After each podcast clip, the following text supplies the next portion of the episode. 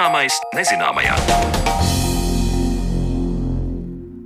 Esiet sveicināti! Skanēt sāk raidījuma zināmais nezināmajā, un ar jums kopā esmu es Sandra Kropa.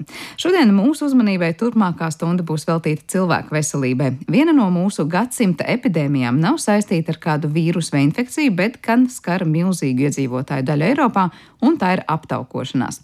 Vai ar vien jaunie pētījumi par faktoriem, kas ietekmē aptaukošanos, varētu mūs vest uz labāku un efektīvāku šīs slimības ārstēšanu? Vai kādreiz būs pieejama brīnumaina tabletīte, kas palīdzēs cilvēkiem cīņā ar lieko svaru? Par to tad šoreiz raidījumā, bet pirms pievēršamies medicīnas atklājumiem aptaukošanās jomā, iepazīsim diētiskas receptes pavāra grāmatu vēsturē.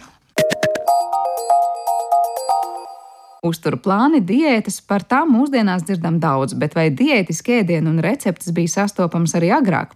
Kā svara zaudēšanas centienus apraksta literatūrā, vēsturē un kāda bija diētiska ēdienu loma padomju pavāra grāmatās, par to vairāk Zanes Lācis Baltalksnes veidotajā sižetā. Cilvēkam, kas vairāk kustas, strādā vidēju vai grūtāku darbu uz klaja lauka, vajag vairāk uzņemt bezslāpekļa vielu. Tas ir ogļhidrātu, kuri atrodas maizē, kartupeļos un citās stādu vielās nekā tādam, kas uzturas slēgtās telpās.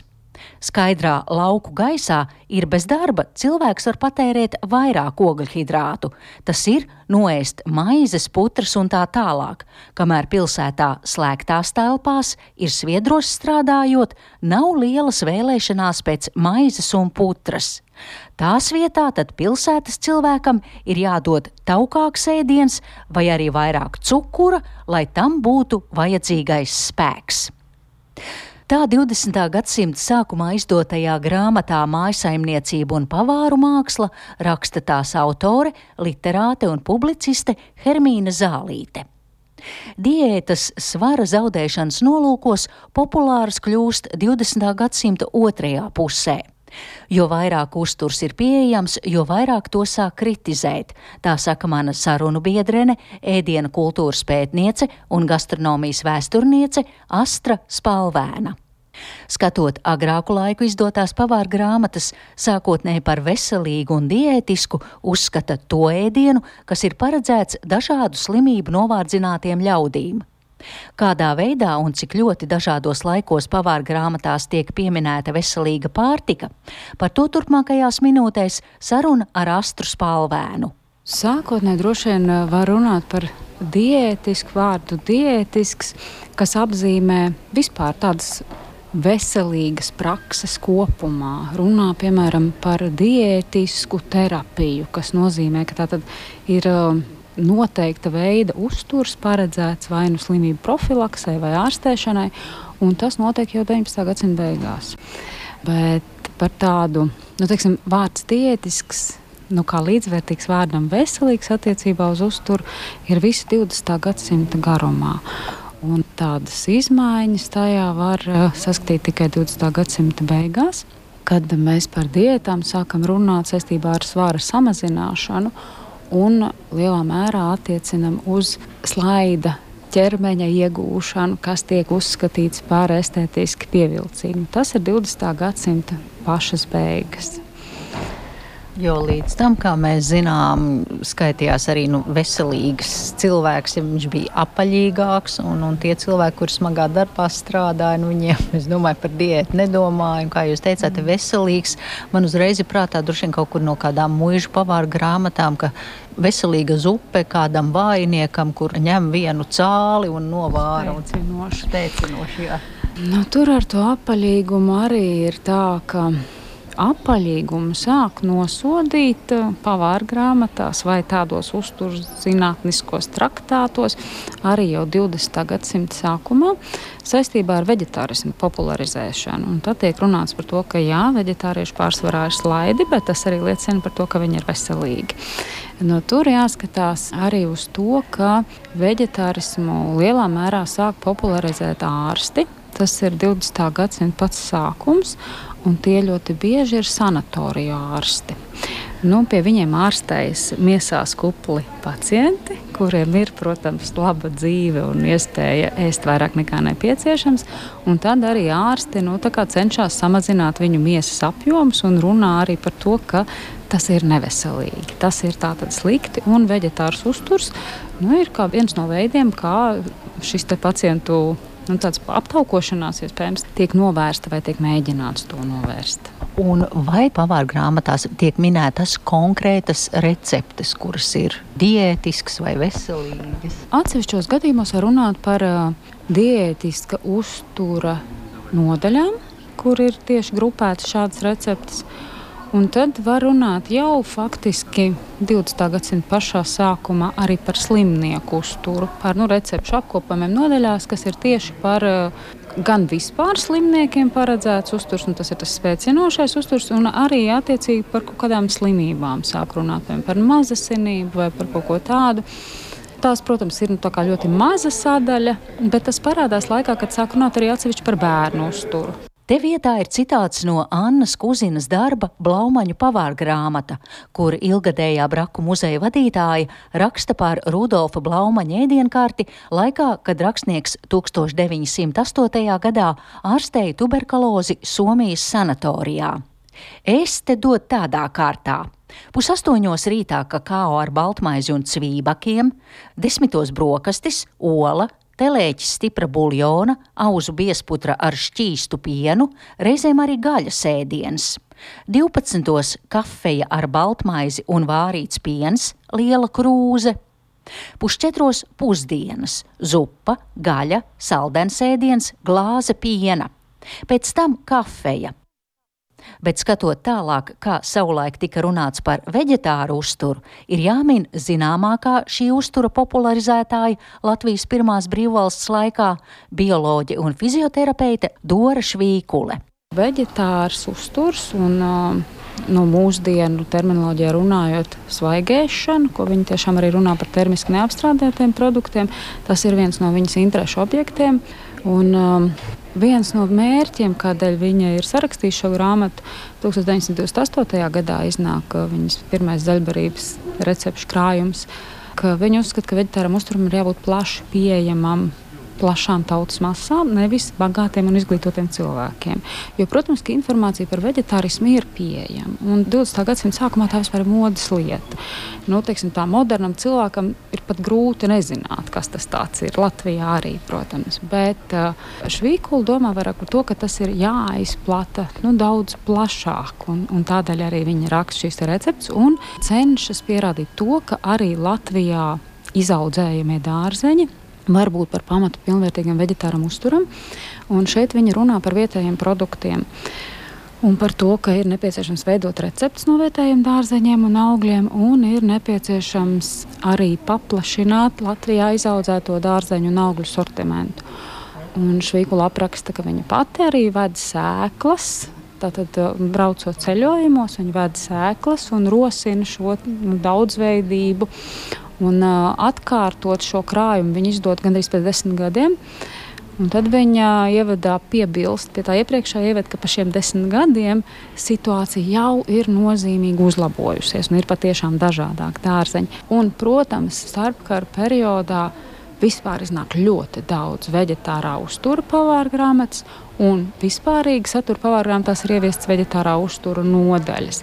Tas gan nenozīmē vegetārismu kā atteikšanos no gaļas pilnībā, bet kā tādu rosinājumu lietot vairāk dārzeņu receptes. Tas nozīmē, piemēram, ka var sagatavot vegetāru sēdienus un pasniegt pie gaļas sēdieniem.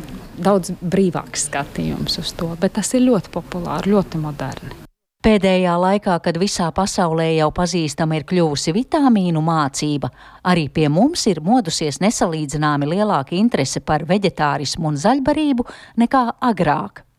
Zaļbarības propagandētāji jau vairākus gadu desmitus ir sludinājuši bagātīgu salātu, svaigu augļu un riekstu pielietošanu uzturā. Tā raksta starpkaru Latvijas prese, un tajā laikā aizvien vairāk tiek runāts par vitamīnu nozīmi uzturā. Par to turpina Astra Spalvēna. Diezgan tādu skaidru nošķīrumu var ieraudzīt līdz ar vitamīnu atklāšanu. Kaut gan vitamīnu atklāšana, protams, ir process apmēram 50 gadu garumā, bet tāda 20. gadsimta pirmā desmitgada, kad arī latviešu valodā rakstītās pavārnādās sāk runāt par vitamīniem, ne tikai par obaltumu, ogļhidrātiem un taukiem. Un tas lūk, izmaina šo piramīdu. Ja pirms tam vērtīgākā uzturu sadaļa ir olbaltums, tātad primāra gaļa mūsu izpratnē, tad nu, kopš 20. gadsimta pirmajām desmitgadēm sāk daudz lielāku uzmanību piešķirt tieši augļiem un dārzeņiem, uzskatot tos par vērtīgiem, nevis par piedevām, kas var būt un var nebūt, bet tiešām skatoties uz to, kā šo uzturvielu trūkums organismā arī izraisa saslimšanas vai izraisa teiksim, nu, tādu ķermeņa veselības stāvokļa pasliktināšanos.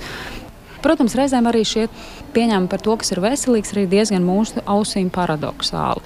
Nu, piemēram, saistībā ar vietējo produktu propagandu, kas ir starpkara periodā, tiek ļoti popularizēti vietējie produkti. Lai to izdarītu, tiek aprunāti un uzskatīti par sliktiem, veselībai kaitīgiem, ievestie, importētie produkti. Nu, piemēram, tēja un kafija, powergrāmatās pat dažreiz tiek saukta par indēm, un tad ieteikts aizstāt ar mūsu zāļu tējām, ar zīļu kafiju, miežu kafiju un tam līdzīgi. Nu, tas, protams, ir ar ekonomisku apsvērumu. Un līdzīgi ir arī cukuru propaganda, cukuru popularizēšana 30. gados. Un tad pat iznāk tāda pavārgrāmata, kuras autora ir Kautsmīnas maitrības semināra direktora Olga Kultāna, un viņas grāmatas nosaukums ir Cukurs tautas masu veselībai un kopšanai. Un, un, tā ir tiešām grāmata, kas ir nu, par to, cik cukurs ir veselīgs, kā cukuru daudzums ir jāpalielina. Un, protams, nu, tas ir tāds cukuru propagandas viens no elementiem, jo valsts nostāja par to, ka jāpalielina vietējā cukuru patēriņš. Un tas tiek darīts eh, sarakstot diezgan daudz tam laikam, saldo ēdienu pavāra grāmatas, kur tieši tiek patēriņš iespējami palielināts, un arī nu, saistībā ar cukuru propagandu nu, droši vien joprojām no ģimenēs, no paudzes paudzē mantots tas teiciens par trīs uh, teikarotēm cukuru katrā krūzē, ja? vienu par katru Latvijas cukuru fabriku. Tā kā nu, jā, tās uh, ēdienam piešķirtās vērtības laika gaitā mainās. Un arī no tiem piemēriem, ko es nu, mazliet ieskicēju, var redzēt, ka tā objektīvā patiesība, kas tad ir veselīgs ēdiens, ir atkarīga arī no daudziem citiem faktoriem, no sociāliem faktoriem, ne tikai no uzturzinātniskiem, un arī uzturzinātnes informācija var būt mainīga. Ja es vēl jautātu par tādu jaunāku laiku vēsturi, mēs skatāmies uz padomu laikiem. Vai esat vētījusi, pētījusi padomu laiku pavāru grāmatas, kā tur ar tām diētām? Nu, padomu laikos diētisks viennozīmīgi ir veselībai labs. Par diētām runā kā par noteiktiem uztura režīmiem, kas iekļauj noteiktus produktus un to pagatavošanas veidu. Nu, daudziem, kas atcerās to laiku, ir zināma tāda apzīmējuma kā diētiskā ēdnīca, un tad ir noteikti numuru diētas, ko citu Latvijā sanatorijās vēl tagad varam atrast kas ir paredzēts teiksim, gremošanas sistēmas traucējumiem, vai asinsvadu slimību riskam, vai ārstēšanai. Tā kā noteikti tas ir saistīts ar veselību, tas nav saistīts ar izskatu, ar ķermeni, tā kā mēs vārdu diētu saprotam šobrīd. Un, uh, Interesanti ir tas, ka, cik es esmu skatījusies arī tās diētu grāmatas, tur ļoti maz tur neparādās atteikšanās no gaļas. Gaļa tomēr ir tāda padomju uztur centrā. Un tad tur var būt tā vai citādi pagatavota gaļa, bet nu, tāds pilnīgi vegetārs uzturs netiek rekomendēts, varētu teikt tā. Un tas ir interesanti, ņemot vērā, ka pirms padomu laikiem tas patiešām bija ļoti populāri un uzskatīts par veselīgu. Nu, tad šeit tas skatījums ir pretējs. Nu, jā, nu, protams, vēl par padomu laiku jāpiemina arī tas, ka skatījums uz uzturu ir ļoti racionāls. Nu, piemēram, bieži arī ir aprakstīts, ka ēdienam ir jābūt garšīgam un jāizskatās labi tādēļ, lai to labāk sagremotu, jo šīs īpašības ietekmē nu, attiecīgi tātad, eh, gremošanas darbību. Un, Barība tiek labāk pārstrādāta un organisms saņem vairāk labo vielu. Tad ēdiena garša pati par sevi vai izskats pats par sevi nav vērtība.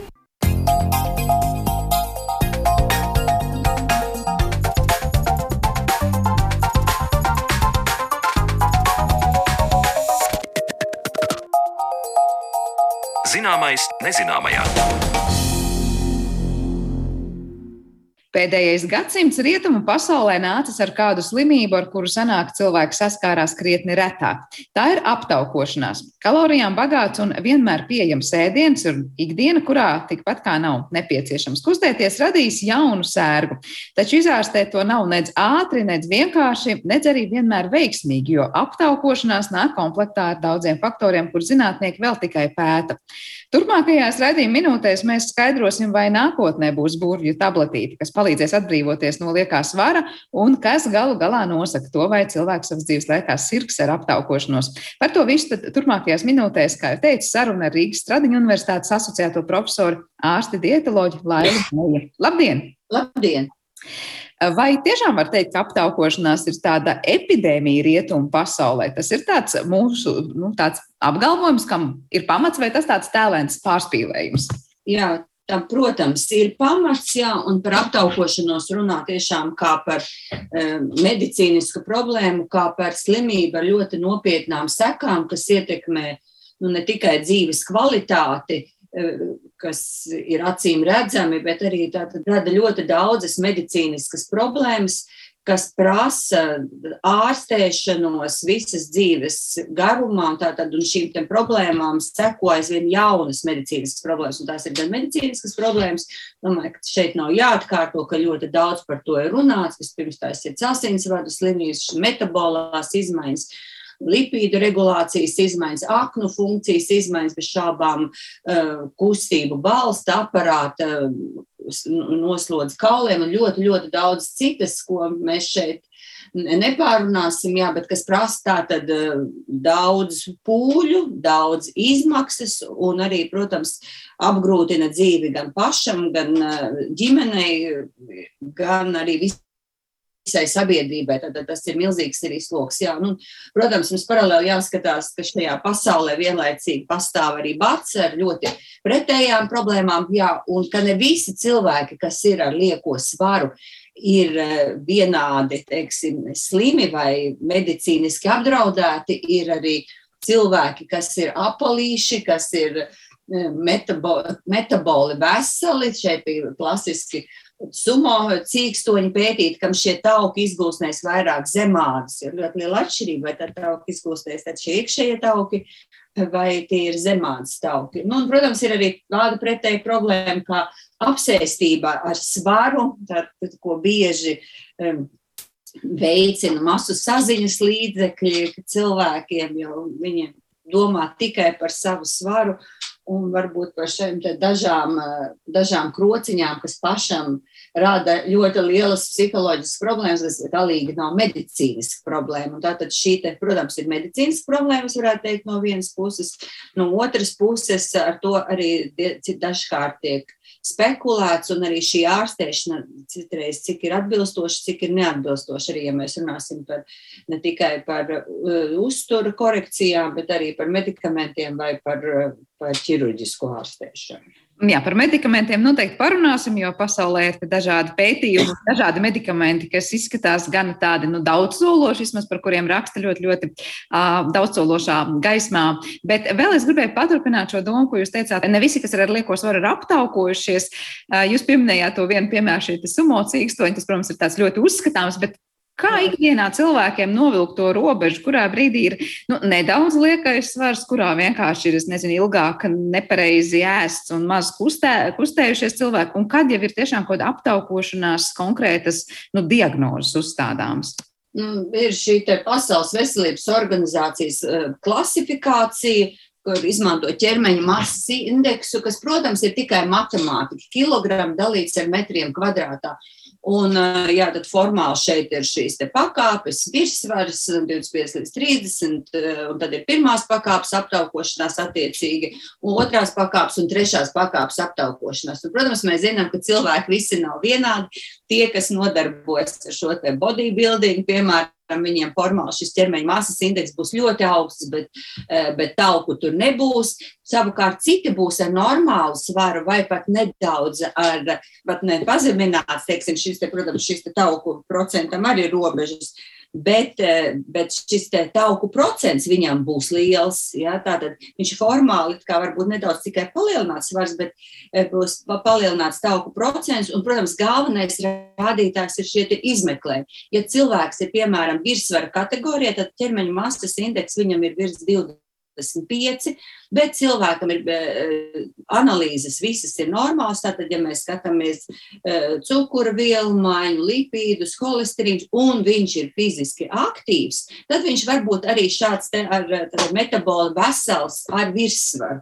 Savukārt, protams, varbūt cilvēks eh, tajā pašā kategorijā formāli ar to pašu ķermeņa masas indeksu, bet viņš būs maskustīgs un viņam jau būs šīs izmaiņas izmeklējumos, tad jau draudēs medicīniskas problēmas, un viņš jau būs ar daudz lielāku risku šīm turpmākām slimībām, nu, kur vispirms parasti mēs runājam par cukuru diabētu, aknas aptaukojušās un, un daudzas, daudzas citas. Tātad šeit būtu jāņem vērā tauku procents un, un izmeklējumi. Un, protams, jābūt ir fiziski aktīvam, jo ne jau tikai uzturs ietekmē šo metabolo veselību. Te nu mēs esam nonākuši jā, pie tiem cēloņiem, kur ir uzturs un fiziskās aktivitātes, ko mēs bieži sakām, ka tas ir tāds nu, pamatu pamats, lai mēs būtu veseli. Vai aptaukošanās cēloņi būtu vairāk meklējami tieši tajā, kā mēs ēdam un cik daudz vai maz kustāmies? Un tā ir nu, kaut kādā mērā dzīvesveida un varbūt pat slinkuma slimība šajā gadsimtā un pārticības slimība, vai te ir arī citi cēloņi, un dažkārt cilvēks var eh, mēģināt piedomāt, ko ēd un kā ēd un kustēties, un vienalga būtu aptaukojies, un tur tie cēloņi būtu meklējami pilnīgi kaut kur citur. Tā tad jā un nē, protams, kam arī šī klasika mazāk ēst un vairāk kustēties, un ka cilvēkiem šis dzīves veids eh, gadsimtu un gadu tūkstošu griezumā, eh, protams, mainās, un ir šīs tāda enerģija, cik mēs uzņemam un cik mēs patērējam. No vienas puses, protams, tas noteikti strādā, un, eh, un to mēs nevaram noliegt, bet no otras puses šie aptaukošanās cēloņi ir arī ļoti, ļoti daudz citi, un nevienmēr tas ir tik vienkārši. Eh, tā tad, eh, piemēram, tā ir eh, ļoti daudz nosaka, saprotams, arī gēni, tā ir hormonālā sistēma, tad noteikti šie medicīniskie cēloņi jāizslēdz, visbiežāk būtu tāda šī cukura vielu maiņa, piemēram, vairogdziedzers. Tās ir eh, arī, piemēram, sievietēm policistiskās olnīcas, kas ir eh, olnīcas sindroms, kas ir ļoti bieži. Tās var būt virsnieres, tad ir šī perimenopauzes periods, varbūt insulīna rezistence, tātad ļoti, ļoti daudz šie. Tad ir mentālā un emocionālā uh, sfēra, ka, kurai arī ir eh, ļoti um, liela nozīme.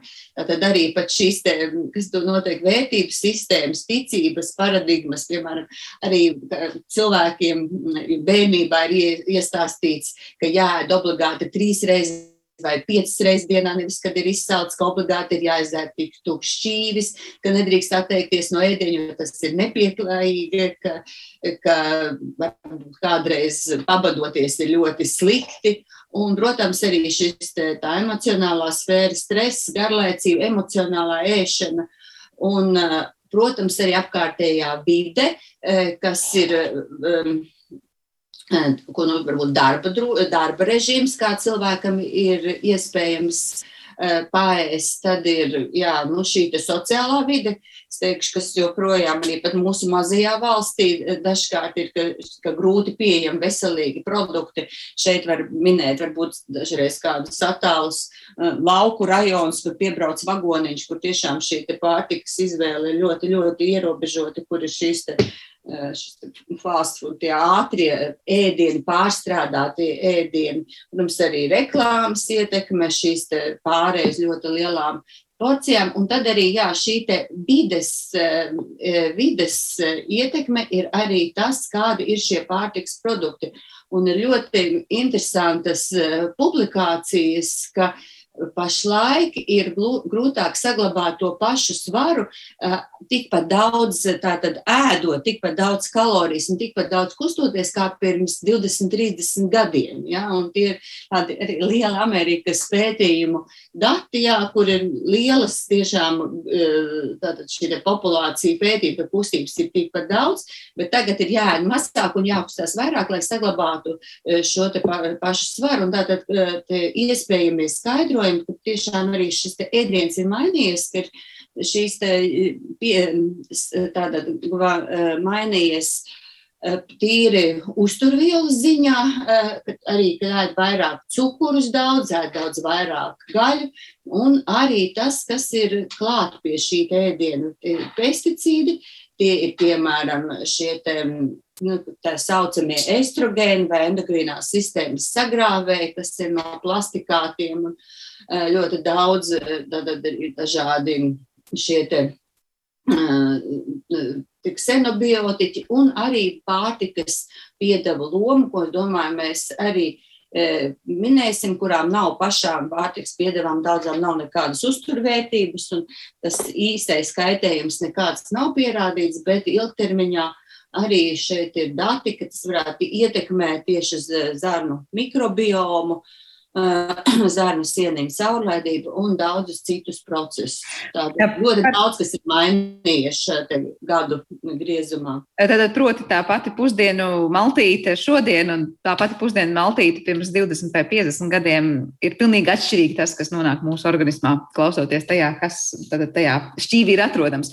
Bet jūs pieminējāt zarnu sieniņus, un es gribēju vēl paturpināt domu, lūgt jūs paturpināt domu par zarnu mikrobiomu nozīmi tajā apgabalā aptaukojamies vai neaptaukojamies. Es saprotu, ka pēdējos gados arvien vairāk arī zinātnes pasaulē runā par to un pēta to, ka tam, kādi mikroorganismi dzīvo mūsu zarnu traktā, ir ļoti liela nozīme tajā, vai nu mēs esam ar to lieko svaru vai bez tā. Cik daudz par to ir zināms? Tātad eh, vispirms ir jāsaka tā, ka par to noteikti ir ļoti daudz datu, kā šis te, šīs te šūnas, kas ir daudz vairāk nekā mūsu pašu šūnas eh, zarnās, ietekmē mūsu organismu. Un tas nav tikai saistībā ar lieko svaru, bet arī ar ļoti daudzām, eh, daudzām slimībām. Tajā pašā laikā mums nav pašlaik konkrēti rīki, ko mēs varam eh, ļoti vienkārši lietot. Tātad, protams, šie pētījumi ir ļoti daudz.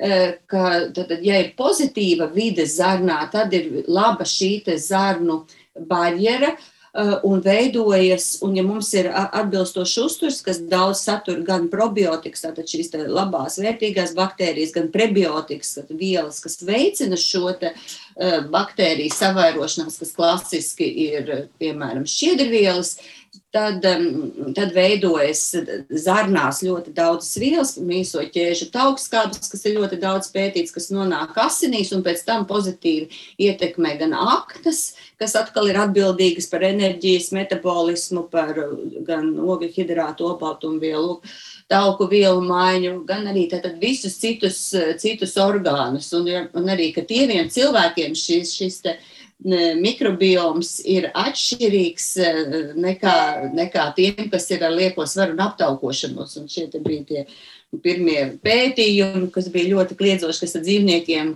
pārstādot šo mikrobiotu no, no, no tieviem uz rasniem eh, eh, dzīvnieciņiem. Tātad šis svars, šis svars mazinājās. Un šīs mikrobioma izmaiņas, protams, ietekmē arī mūsu uh, mūsu svaru. Tātad noti, tā, gan regulējošās sistēmas, tad sāta, apetītes hormoni, tad, kā jau es minēju, šī arī zarnu caurlaidība. Ja ir vesela zarna, tad nenonāk nevēlamas vielas caur zarnu sieniņām. Bet savukārt, ja šeit ir izmaiņas, tad, tad arī tas tālāk organismā rodas daudz citas izmaiņas. Un, piemēram, arī kas neienāk varbūt prātā, mēs zinām, ka uzturs, protams, ietekmē. Visi zina, ka cukuri ir slikti un ka šķiedrvielas eh, noteikti ir labas. Bet tas nav tik vienkārši šo mikrobiomu ietekmē ļoti, ļoti daudz citi apstākļi. Tad, eh, tas ir pat mūsu režīms, ja, tad arī mikrobiomam izrādās ir šie diennakts cirkādiskie ritmi, eh, ne tikai mūsu orgāniem, ne tikai taukiem, apnām, gremošanas traktiem, muskuļiem, bet arī šiem te šis mikrobioms mainās dienā un naktī. Ja cilvēkam ir izjaukts režīms, tad mainās arī, mainās arī mikrobioms, ne tikai šī apetīta sāta regulācija, kur mēs vēl droši vien pieskarsimies tālāk.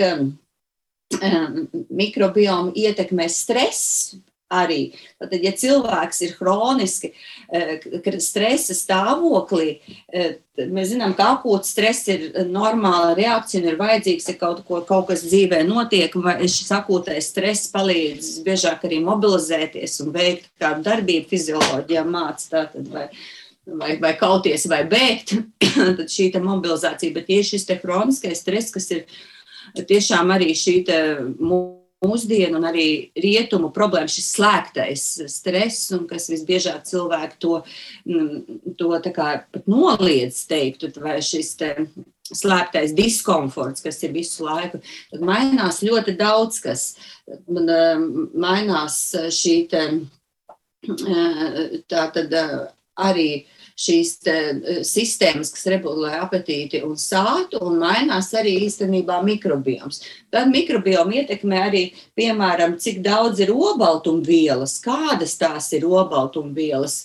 Un, eh, Tātad šīs pārtikas uzbūves ļoti daudzi citi elementi, dzērieni ietekmē un tam līdzīgi. Tā kā tam mikrobiomam noteikti ir nozīmes, un, protams, tagad arī um, to ļoti daudz pēta, bet mēs, lai pateiktu tādu ļoti, ka tagad dzerot kādas konkrētas baktēriju preparātus, mēs šo svaru labi regulēsim, tik tālu mēs vēl neesam. Bet es domāju, tā noteikti ir nākotnes, nākotnes sadaļa. Jā, jūs pieminējāt, ka dzerot konkrētas baktērijas, gribētos, eh, vai mikro, mikroorganismus, jā, ka mēs jā. Eh, regulētu šo svaru. Protams, to maģisko tabletīti vienmēr gribas, un par tām tabletēm tūdaļ arī parunāsim. Bet no jūsu teiktā, un arī tas, kas ir lasīts un dzirdēts apkārt eh, par mikrobiomu runājot, liekas, ka šobrīd vairāk tiek runāts par to atkal, kā savu režīmu veidojot, uzturot un savu uzturu veiksmīgi, jā, kaut kā kombinējot ar fiziskām aktivitātēm, to visu saliekot kopā, mēs tieši palīdzam tam mikrobiomam varbūt būt tajā jā. īstajā formā un veikt to labo funkciju. Tad ne tik daudz kā mikrobiomu pareizu iedzert, cik tādu uzturēt. Jā. Uh, jā, protams, tā, tad, tas ir, protams, ja ļoti īsi mēs runājam, tad tas ir ir uzturs, kurā ir arī atbilstoši ļoti daudz kam citam balstīts uz augu valsts produktiem. Tas nenozīmē pilnīgs vegānisms, bet tas, ka dominē šie augu valsts, augu valsts produkti, tad, protams, saknes dārzeņi, arī augu valsts olbaltumvielas, kas ir pākšaugi rieksti, kur atkal ir sasaist arī ar ļoti daudziem citiem šiem te aiz, aiz, aizsarg, aizsarg mehānismiem. Uh, kas ir šīs probiotikas, šīs te, šie te labie organismi, kas ir skāpienu produktos, kas ir bez cukura, mūsu paniņas, piemēram, skāputra un tam līdzīgi kefīrs tas pats. Uh, un, um, un vēl šīs labās bakterijas baktērijas, protams, ir fermentētos produktos. Nu, Latvijā klasiskie ir skābie kāposti. Un prebiotikas ir šķiedrvielas, un šķiedrvielas ir gan dārziņos, gan augļos, gan arī, protams, ļoti daudz ir graudaugu produktos, kā un tie mūsu, kas ir teiksim, zelta fons Latvijā būtu rudzi un mieži, ja, kur noteikti, kur arī, kur gan nešķīstošās, gan arī šķīstošās šķiedrvielas, ko cilvēki aizmirst. Nu, tikai jautājums, kā viņi tiek iekombinēti. Ja maizē ļoti daudz pielikti cukuri, ja maize ir smagi sacepta, ja, tad tur būs tā, tā cita negatīvā, negatīvā ietekme. Jā, un arī šis, te, kā es teicu, šis te arī nu, stresa menedžments, kā modē teikt, ko ir viegli pateikt, bet ļoti grūti izdarīt. Tad arī šī mentālā sfēra un arī dzīves režīms, protams, ietekmē ietekmē mikrobiomu. Kā ar tām tabletēm? Es te jau pirms tam sarunas laikā teicu, ka ir šie jaunie pētījumi un daudzsološie rezultāti par kādu arī īpašu preparātu, kas, saprot, tieši strādā uz to, lai cilvēkam rastos tā sāta sajūta un negribētos ēst. Protams, ka cilvēkam jau ir aptaukošanās. Kādi ir tie līdzšinējie mēģinājumi radīt tās zāles un kādi ir tie soļi šobrīd, kas tiek spērti un kas tad tiek un netiek uzskatīts par labu rezultātu? Jā, nu tā, tāda, lai runātu par šiem medikamentiem, ir nedaudz jāpieskaras jā, par šo te zarnu, kuģa zarnu trakta un smadzeņu saistību, kam ir ļoti uh, ļoti liela loma arī šajā aptaukošanās regulācijā, tā varētu teikt. Tad gremošanas traktā ir ļoti daudz vielu, kas atrodas gremošanas traktā, kas tālāk ietekmē smadzenes, smadzenes un šo apetītes un sāta regulāciju. Un šādas vielas ir gan Eh, gan kuģi, gan zarnās, gan aknas izdala, aizkuņģa dzieders, protams, un arī taukaudi. Tad ir šīs vielas, tad bioloģiski aktīvas vielas, kas tur izdalās, kas tātad vai nu šo sāta sajūtu eh, veicinās, vai otrādi, kas atkal veicinās izsaukumu. Un tad šīs vielas iedarbojas uz smadzenēm, un tas, protams, regulē šo te cukura līmeni, eh, aptaukošanās, veidošanās eh, vai neveidošanās procesi, bet arī, protams, eh, mentālās spējas un, un ļoti daudz citu. Un tāpēc arī šie te Un šis disbalans, tas, ja, ja notiek šis disbalans šajās visās sistēmās, tas, protams, veicina aptaukošanos. Nu, jā, tātad šie medikamenti, viens no tiem ceļiem arī tieši iedarboties uz, uz, gan uz smadzenēm, tieši gan arī uz šīm šīm bioloģiski aktīvām vielām, kas izdalās gremošanas traktā. Ja? Tur var teikt, ka klasiski tā kā iņu un jāņa, baltais, melnais, un viņām ir jābūt līdzsvarā. Nu, jā, un ja tā vēsturiski šie medikamenti, kas, kas, kurus, kas ļoti daudz bez šaubām arī ir pievērsušies pētniecībai, un lai atrastu tādu zāli, medikamentu, kas, kas palīdz ārstēt aptaukošanos, jo tas arī, nu, teiksim, atklāt, protams, būtu arī ļoti liels eh, bizness, un, protams, arī aptaukošanos mums eh, ir jārastē, tāpēc, ka tā ir medicīniskās konsekvences. Un tās ir bijušas ļoti dažādas. Tad gan kas eh, visvairāk kas ietekmē simpātisko nervu sistēmu, uh, Tātad eh, stimulē nervu sistēmu, un tās ir bijušas gan psihotropi aktīvas vielas, gan tie ir bijuši vairogdziedzera hormoni, eh, gan tie ir bijuši, kas uz šiem te kanabinoīdu receptoriem iedarbojas. Un šīs te problēmas, protams, ir tās, ka eh, ir blakus efekti, un šie blakus efekti ir saistīti ar sirds asinsvadu slimībām, pat infarkti vai mazi infarkti, asinsspiedienu paaugstināšanās, sirdsklaus, Tātad bīstami šie kardiovaskulārie notikumi un daudzi šie medikamenti, kas ir bijuši, viņi pēc tam ir lietoti, protams, vairāk Amerikā, jo tur ir lielāka populācija un ir aptaukošanās ļoti izplatīta, eh, bet pēc tam ir arī aizliegti. Tad eh, vēl ir šie medikamenti, jā, kas mums arī tagad joprojām ir pieejami, tad mēs viņus varētu arī eh, tā klasificēt. Tad medikamenti, kas tiešām ietekmē receptorus, gan opioīdu, gan dopamīnu, gan noradrenalīnu. Tātad, ir, tātad šīs tās ir bioloģiski aktīvās vielas, kas saistīts ar centrālo nervu sistēmu. Un galvenais šī iedarbība arī palielina vielu maiņu un mazina apetīti. Ja? Tad ir medikamenti, kas uh, tieši kavē šo lipāzi, uh, aizkundz dziedzera fermentu, kas veicina tauku uzsūkšanos, tādā bloķē šo procesu kā tauku uzsūkšanos. Un tad kas pašlaik tiešām par ko arī jūs droši vien jautājāt, ir medikamenti, kas ietekmē šos peptīdus, kas izdalās gremošanas traktā un ietekmē mums apetītes un izsalkuma sajūta. Un tas, protams, ir ļoti, ļoti teiksim, nu, tā vilinoši, jā, un pašreiz tas tiešām šķiet kā viena no tādiem cerīgākajiem medikamentiem, Tad, ja tas ir saistībā ar uzturu uzņemšanu, tad cilvēkam ir mazāka apetīte. E, tad vienkārši tas ir arī ļoti, ļoti svarīgi, jo cilvēkiem ļoti bieži ir pārkārtot savu sēšanas paradumus, mainīt arī šo ēšanas porcijas lielumu, mainīt, un viņš visu laiku tā kā cīnās. Tad šis medikaments pali, e, e, atvieglo šo te procesu. Tad arī šis te, arī kuņģa iztukšošanos kad lēnāk šī uzturs virzās pa gramošanas traktu, kas arī nu, rada pilnuma sajūtu, uh, un uh, cilvēkam mazāk gribas ēst. Un, protams, jāņem vērā, ka tā kā tas uh, darbība ir caur šo gramošanas traktu, tad arī šie blakus efekti var būt arī, kas ir mm, slikta duša, tāda pilnuma sajūta, dažreiz arī citiem cilvēkiem ir aizcietējumi, citiem tā ir caurē, varbūt arī šo, protams, nepatīkamie blakus efekti, kā visiem medikamentiem, un arī tas ir ļoti individuāli, vienam vairāk, vienam mazāk.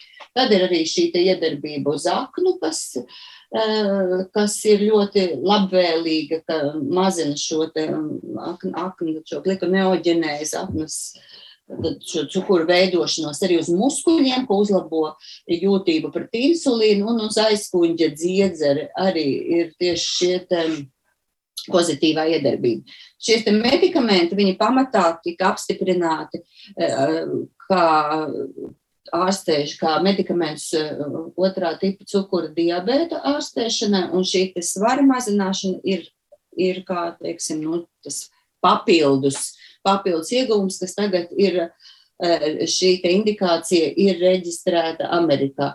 Ko es ļoti gribētu uzsvērt, ka kā, tas ir medikamenti, šie blakus efekti ir reģistrēti. Un, ja kurš var atvērt eh, zāļu reģistru un visu izlasīt, cik procentiem tas ir bijis, kādiem cilvēkiem eh, ir lielāks risks, kuriem ir mazāks risks. Un, protams, tā ir ārsta kompetence un ka cilvēki ļoti bieži baidās lietot uh, medikamentus, uh, piemēram, klasika ir asinsspiediens, nedzers, uh, nedzers zāles, jo baidās no šiem blakus efektiem vai pierašanas vai tam līdzīgi. Eh, bet nebaidās no uzturu bagātinātājiem, kas ir tieši saistīti, kur cilvēki lieto nejēgā, pasūta internetā, tur viņi klausās, nezinu, kaimiņu vai izlasa kaut kādas citas atsauces vai slavinājums, tad šie visi tie citi ir nepārbaudīti, un tiem tāpat ir blakus efekti, un tie blakus efekti ir ļoti daudz un ļoti bīstami, un aknu funkcijas un nieru funkcijas. Uh, bet par to cilvēki nes kāpēc nedomā, jo izlasot, atrodot kaut kur kādu emocionālu ierakstu internetā, tas kaut kā strādā vairāk nekā eh, ārsta rekomendācijas, kur ārsts šos riskus pastāsta. Ja tā kā tāds tiem, ka par asinsspiedienu es parasti saku, ja jums paveiksies, jūs nomirsiet ātri ar infarktu, bet varbūt insults, un tad jūs neko vairs nevarēsiet paši izlemt. Ja? Tad, nu, tā ir tāda liriska apkāpe, jā, bet par šiem arī tie, protams, ir visi medikamenti, bet tātad, ja tas ir reģistrēts kā medikaments, tur ir pierādīts, ka tas vispār strādā. Jā, Bet tas, ko jūs teicāt, jā, tad uzturu bagātinātājs patiesībā arī ar savu blakus efektu var būt gana, gana jā. kaitniecīgs, kuru mēs nenovērtējam tik ļoti, kā varbūt pievēršam uzmanību medikamentiem, un savukārt medikamenti nu, ir reizes un situācijas, kad tie ir jālieto, un blakus efekti, protams, ir klātesoši, bet tie ir jāizvērtē. Skaidrs ir viens, ka es saprotu, lai arī cik ļoti daudzsološi medikamenti varbūt būtu, kas nāktu talkā cīņā ar aptaukošanos. Joprojām tā nebūs viena maģiskā tableta, kas visu izdarīs cilvēku vietā. Pat ja cilvēks sāks, sāks lietot šos medikamentus, tas, ko jūs teicāt sarunas sākumā, uzturs, aktivitātes un vispārējais dzīvesveids, to neviens nav atcēlis. Ne? Es saprotu, ka nebūs tāda burbuļu. Jā, jo vispirms ir jābūt tā, ka novērtē šos iespējamos medicīniskos cēloņus, kāda var būt aptaukošanās, kas tiešām e, pie, nu, klasiski, nezinu, piemēram, vairogdziedzers, un cilvēks tur var uz galvas stāvēt un censties maz ēst, bet tik un tā šī vielmaiņa būs ļoti, ļoti izmainīta. Tātad, vai ir kaut kādi medikamenti, kas neveicina svara pieaugumu, tad, protams, jāsāk ar dzīvesveidu, kā uzturs fiziskās aktivitātes. Eh, un tad tas nākamais solis ir medikaments, un tad nākamais solis ir bariatriskā operācija. Tāpēc, jā, par jā... to mēs nepaspējām daudz parunāt, bet pavisam īsi mums ir dažas minūtes vēl laika. Kas ir šī ķirurģiskā iejaukšanās, var teikt, tā ir tāda daļa, nezinu, kuņģa, es nezinu, samazināšanas, vai kā tas notiek? Tātad tā, tā, tā, bariatriskās operācijas arī ir akceptēta ārstēšanas metode. Un šeit operācijas ir dažādas. Ir bijuši, kad ir, ir kas, nu, kas nav operācija, ir tādas, kad liek balonu kuņģī un tad sam to izņem ārā un tādā piepilda ar šķidrumu un vienkārši cilvēks nevar iest. Nu, bet, nu, parasti tas arī ir tikai, varbūt, kā sagatavošanās operācijā, lai mazinātu svaru un tur Vienkārši cilvēkam ir ļoti grūti iest, jo tur ir iekšā šķidrums, un tā ir pagaidu tā, metode. Tad ir šis gradzens, kad liek uzliek gradzenu no ārpuses kuņģim, un viņu vienkārši paliek ļoti maz kuņģīts, bet neko neizgriež. Un šo atveri, cik varība var nonākt tālāk, var, var regulēt. Bet tā arī šķiet, kļūst mazāk populāra. Un tad ir dažādi veidi. Ir, kad kuģi vienkārši, kad ir mazāks kuģis, ir, kad absolūti izmaina anatomiju, kad uzturs iet garām uh, Tad ir maziņš kuģis un uh, uztursiet garām tai vietai, tātad tievos zārnu sākumam, kur visvairāk uzsūcas uzturvielas, un pēc tam piesti, nu, apiet apkārtēji vietā un, piesti, un, un ir izmainīta anatomija, tad tā daļa, kur um, var uzsūkties, paliek ļoti, ļoti maza. Tātad šīm metodēm ir indikācijas, un ko es sākumā teicu, jā, ka citreiz ir neatbildīgi, ka cilvēki grib medikamentus vai grib operācijas, kad viņiem būtu vienkārši tikai jāmaina dzīvesveids, bet viņi ir slinki un labāk es paņemšu tabletīti nekā pats kaut ko mainīšu. Eh, bet, protams, ir situācijas, ka tas ir vislabākais un visefektīvākais veids, bet tam ir katram tas, tas, tas ir diezgan stingri noteikts. Un šīs operācijas, tā ir ķirurģija, tas, protams, ir savs risks, bet ieguvums, ja to dara atbilstoši indikācijām, ir ļoti liels, jo ieguvums, protams, ir nevis operācijai, bet šim te svara zudumam. Bet jāņem vērā, ka pēc tam, jā, kad atpakaļ neviens to neveido, ka tas ir uz visu dzīvi. Un, protams, ir pēc tam vitamīni, minerālvielas obligāti ir jādzēr, jo citādi pēc tam var būt ļoti nopietnas problēmas, neiroloģiskas problēmas un citas, kas arī diezgan um, bieži nāk sastapties ar pacientiem, kas pirms dažiem gadiem ir izoperējuši, un pēc tam viņiem ir varbūt smagas problēmas, tāpēc, ka viņi nav, nav darījuši, nav, nav lietojuši šos preparātus vai nav uzraudzījušies, kā tam vajadzētu būt.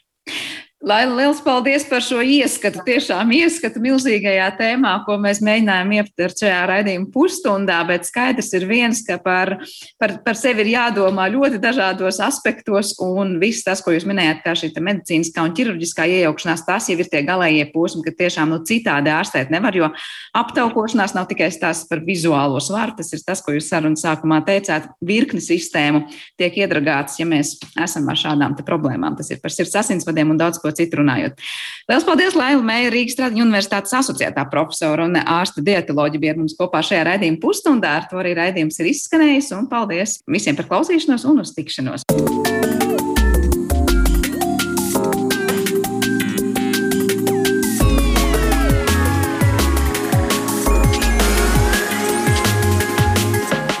Zināmais nezināmajā.